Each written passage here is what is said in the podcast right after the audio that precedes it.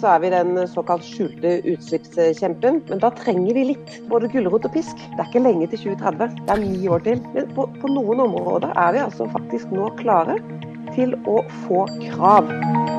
Morgendagens by, presentert av byutviklingskonferansen Evolve Arena.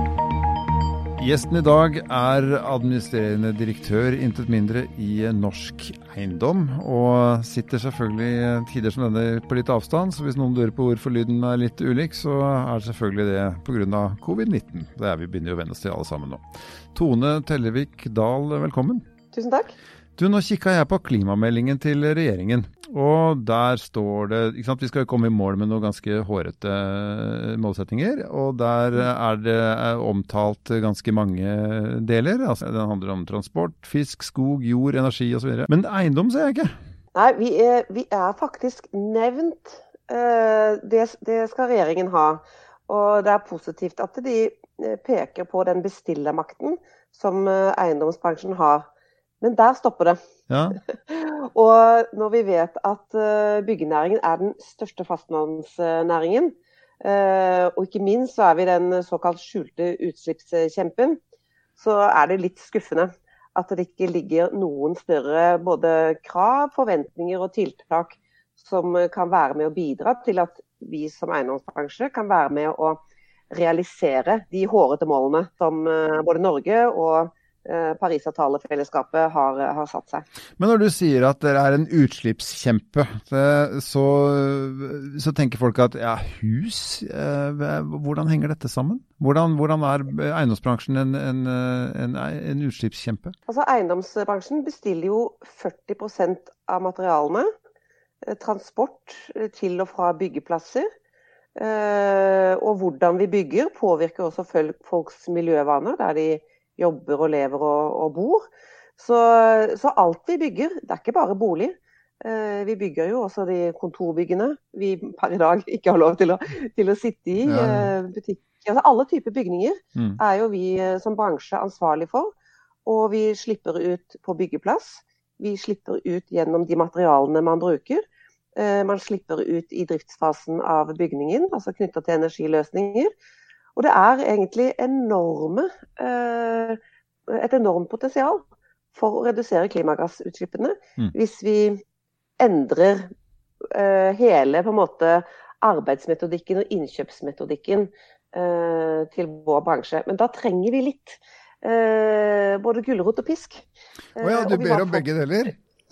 Ja, egentlig. ja. Fordi, fordi jeg tror politikere hører mer enn nok av av bransjer og foreninger som, eh, som bare vil ha mer penger. Mm. Men, eh, men, vi som bransje er ikke redd for å bli stilt eh, krav til. Vi er klare, og vi er enige om målet, og vi ønsker å levere. Men når vi snakker om bærekraft, så det, så holder det ikke bare at vi liksom utkvitterer på miljømessig bærekraft. Vi må også sørge for at det vi gjør har en sosial bærekraft, og ikke minst en økonomisk bærekraft. Så vi trenger litt begge deler. Og det eh, er eh, det ikke spor av i eh, klimaplanen. Men du er jo ikke noe ubeskrevet politisk blad selv, dette kan du mye om. Eh, og, og, og, går ganske friskt inn og ber om både, både, både, både penger og pisk, ha sagt. Eh, og, mm. Men, men bransjen som sådan, det er jo en ganske innfløkt, kompleks og sammensatt bransje.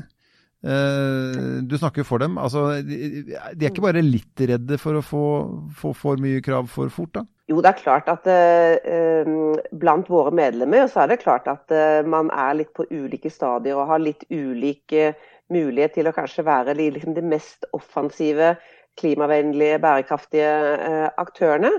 Men som bransje, og der har på en måte generalforsamling og styre vært veldig tydelige, vi, disse kravene kommer. Og da vil, eh, vil, det være dumt av oss å sitte og vente til kravene liksom bare kommer dumpende på oss, litt sånn overraskende. Eh, vi ønsker å være fremoverlent. Mm. Det har bransjen eh, vist. Vi ønsker å gå foran. Vi er med på ulike typer prosjekter. Men på, på noen områder er vi altså faktisk nå klare til å få krav. Men, eh, til eh, altså klimakrav. Og Derfor er det overraskende at det ikke uh, at regjeringen ikke, ikke, har benyttet muligheten da, hvor, hvor, vil du ha kravene, sånn helt konkret? Hvis du bare sier at dette kravet vil vi ha, mm. hvordan, hvor, ja. hvordan, vil du ha det? Allerede for fem år siden så laget eiendomsbransjen et veikart Eh, som alle eh, bransjer og sektorer ble, ble, bedt om av regjeringen til å lage for hvordan vi skulle nå målene i, i Parisavtalen. Og Da satte vi opp ti strakstiltak. Det var i, tilbake i 2016.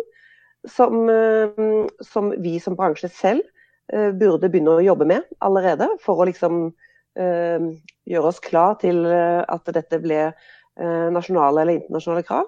Og så satte vi også noen krav som vi mente myndighetene burde eh, iverksette.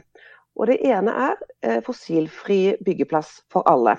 Det vi ser nå i klimaplanen, det er at ja, eh, de sier at vi må få flere eh, fossilfrie byggeplasser. Eh, det er helt klart. Og det vil bli et, eh, vil bli et nasjonalt krav også. Men foreløpig så vil de bare gjøre det innenfor transportsektoren og for statlige bestillere. Dette er altså et, mens eiendomsbransjen som også bygger en god del. Det, bygges ikke bare veier og broer og tunneler i dette landet, mm. det bygges en god del bygninger. Og vi er jo en bransje som har bedt om dette kravet i fem år. Og så når de har sjansen å legge fram en plan som uh, sier at uh, nå, skal vi, nå, skal vi, kutte utslippene på byggeplass, så, så inkluderes ikke eiendomsbransjen. Det syns jeg er for slapt. Hvis vi ser på en annen, annen bransje som, eh, som, har blitt nærmest overøst med insentiver, se privat, altså, altså, transportbransjen, da, inkludert privatbilismen. ikke sant? Alle som har mm. kjøpt eller lest litt om elbil. Eh, altså, du, du, skal jo inn i kulturlivet for å få et tilsvarende momsfritak som du har på en elbil. Um, har, har, dere som bransje vært uh, for dårlige til å, til å si fra godt nok?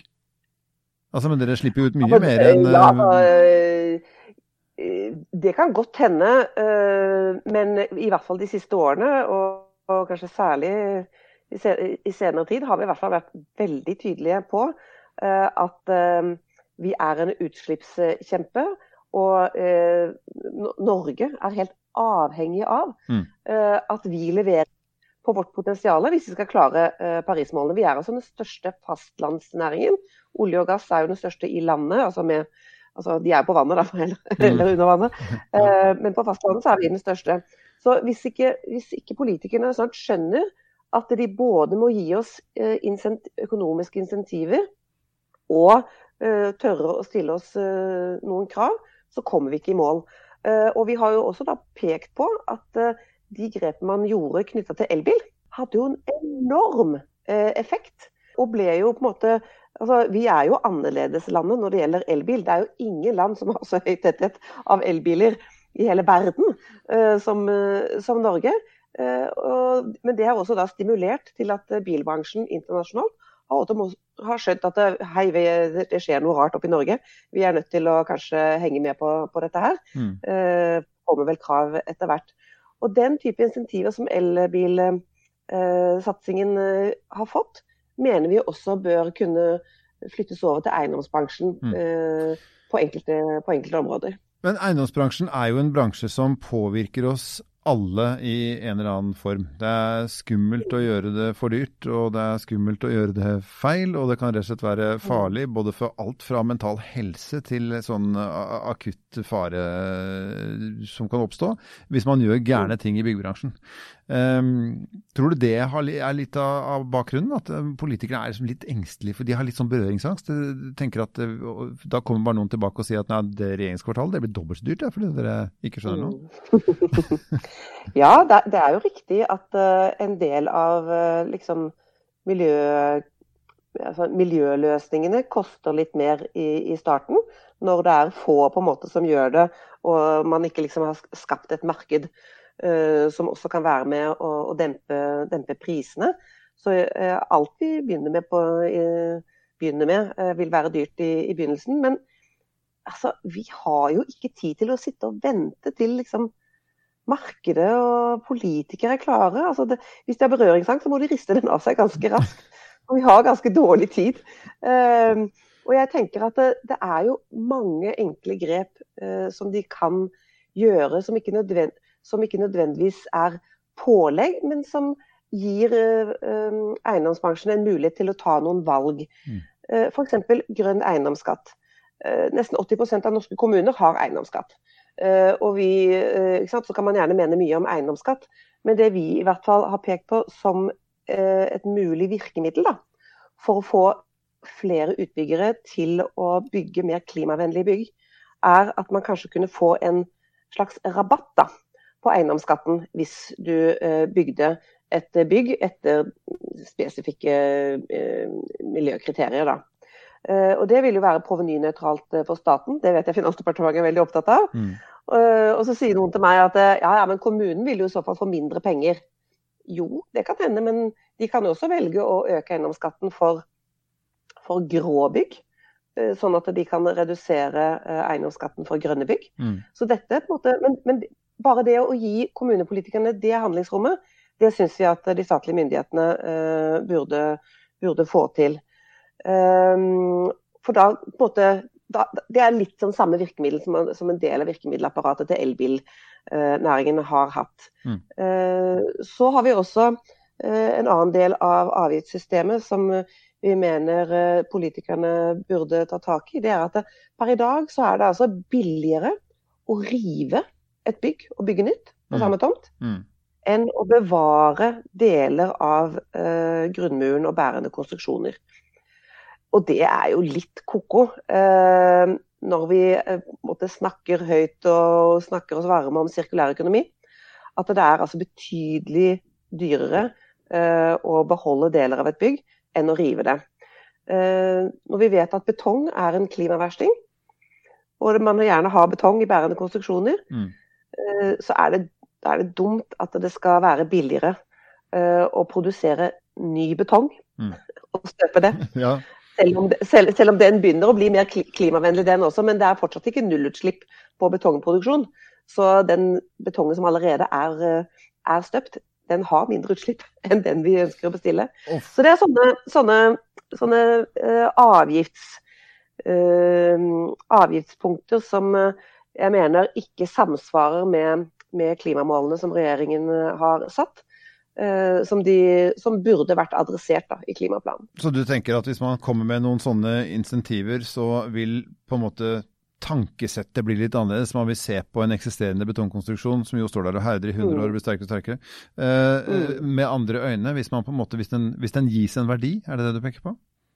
Ja, øh, rett og slett. Ja. Eh, og dermed så, så, stimulerer man jo også mer til sirkulær økonomi. Det er kanskje andre materialer i det bygget som Det kan godt hende at man skal liksom rive 80% av bygget fordi man skal liksom bruke det bygget som sto på den tomten til noe virkelig helt annet. Mm. Men bare det å gi et økonomisk insentiv til å bevare noe, så setter man en, gang en, eh, en tankegang, tror jeg, hos utbyggerne. Mm. Eh, for det merker vi hos de medlemmene hos oss som, som foreløpig bruker betydelig kapital for å liksom gå litt foran. Da.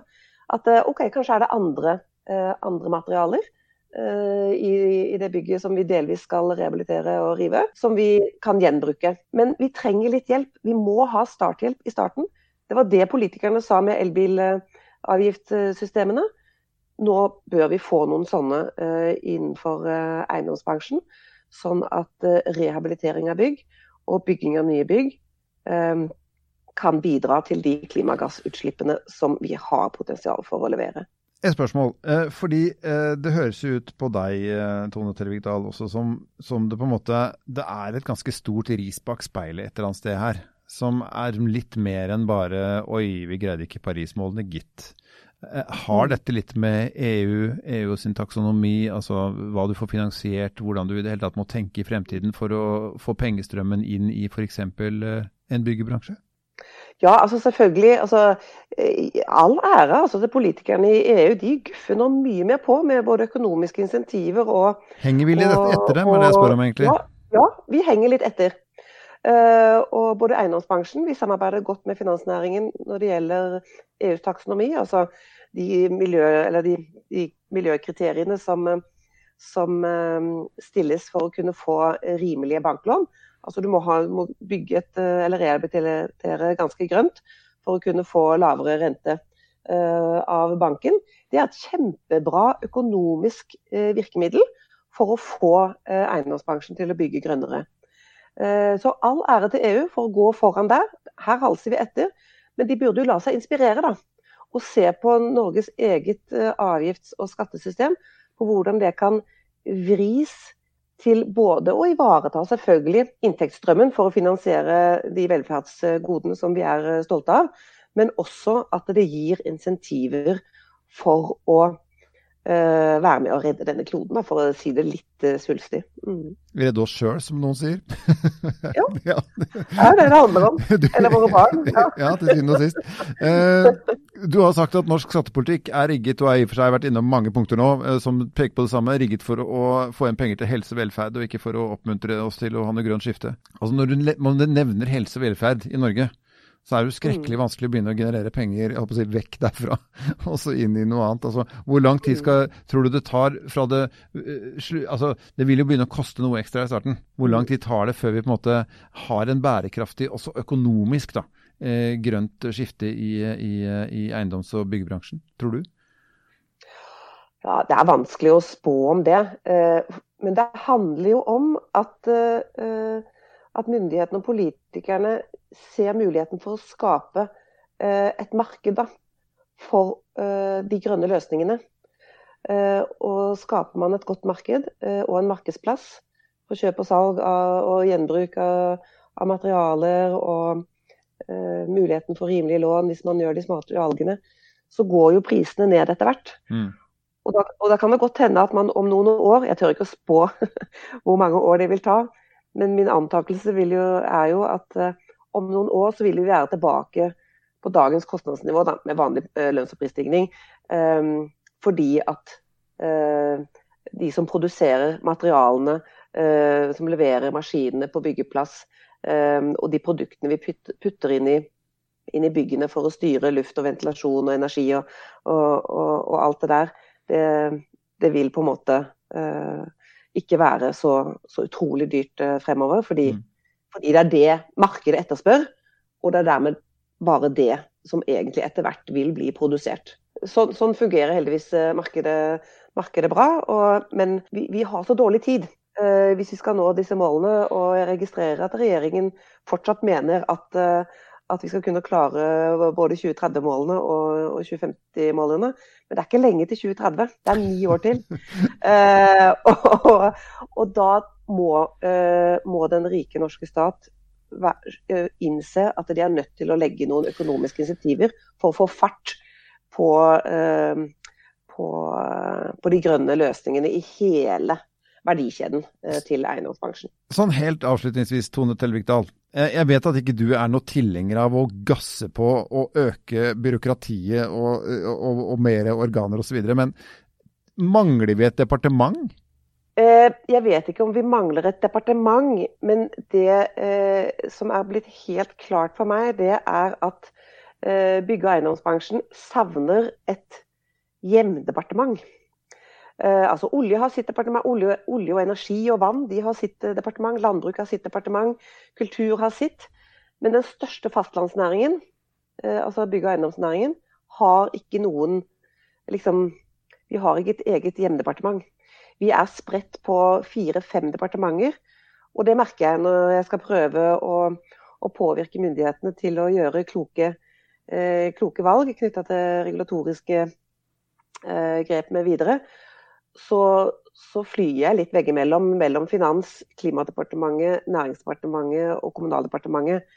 Uh, og jeg tror nok mange ser på Kommunaldepartementet som kanskje moder, moderskipet til næringen, men samtidig så, så svinges den flasketuten uh, fort uh, når man også er i det departementet mot, uh, mot, noen andre som bør løse en del av utfordringene våre. Så um, Eh, vi hadde, vi hadde hatt, trolig hatt nytte av å fått samordnet virkemidlene til vår næring eh, under, eh, under en statsråd. Eh, for å kunne fått utløst da, det eh, klimabidraget vi har liggende på lur, men som vi ikke helt får utløst med dagens eh, regelverk, krav og insentiver.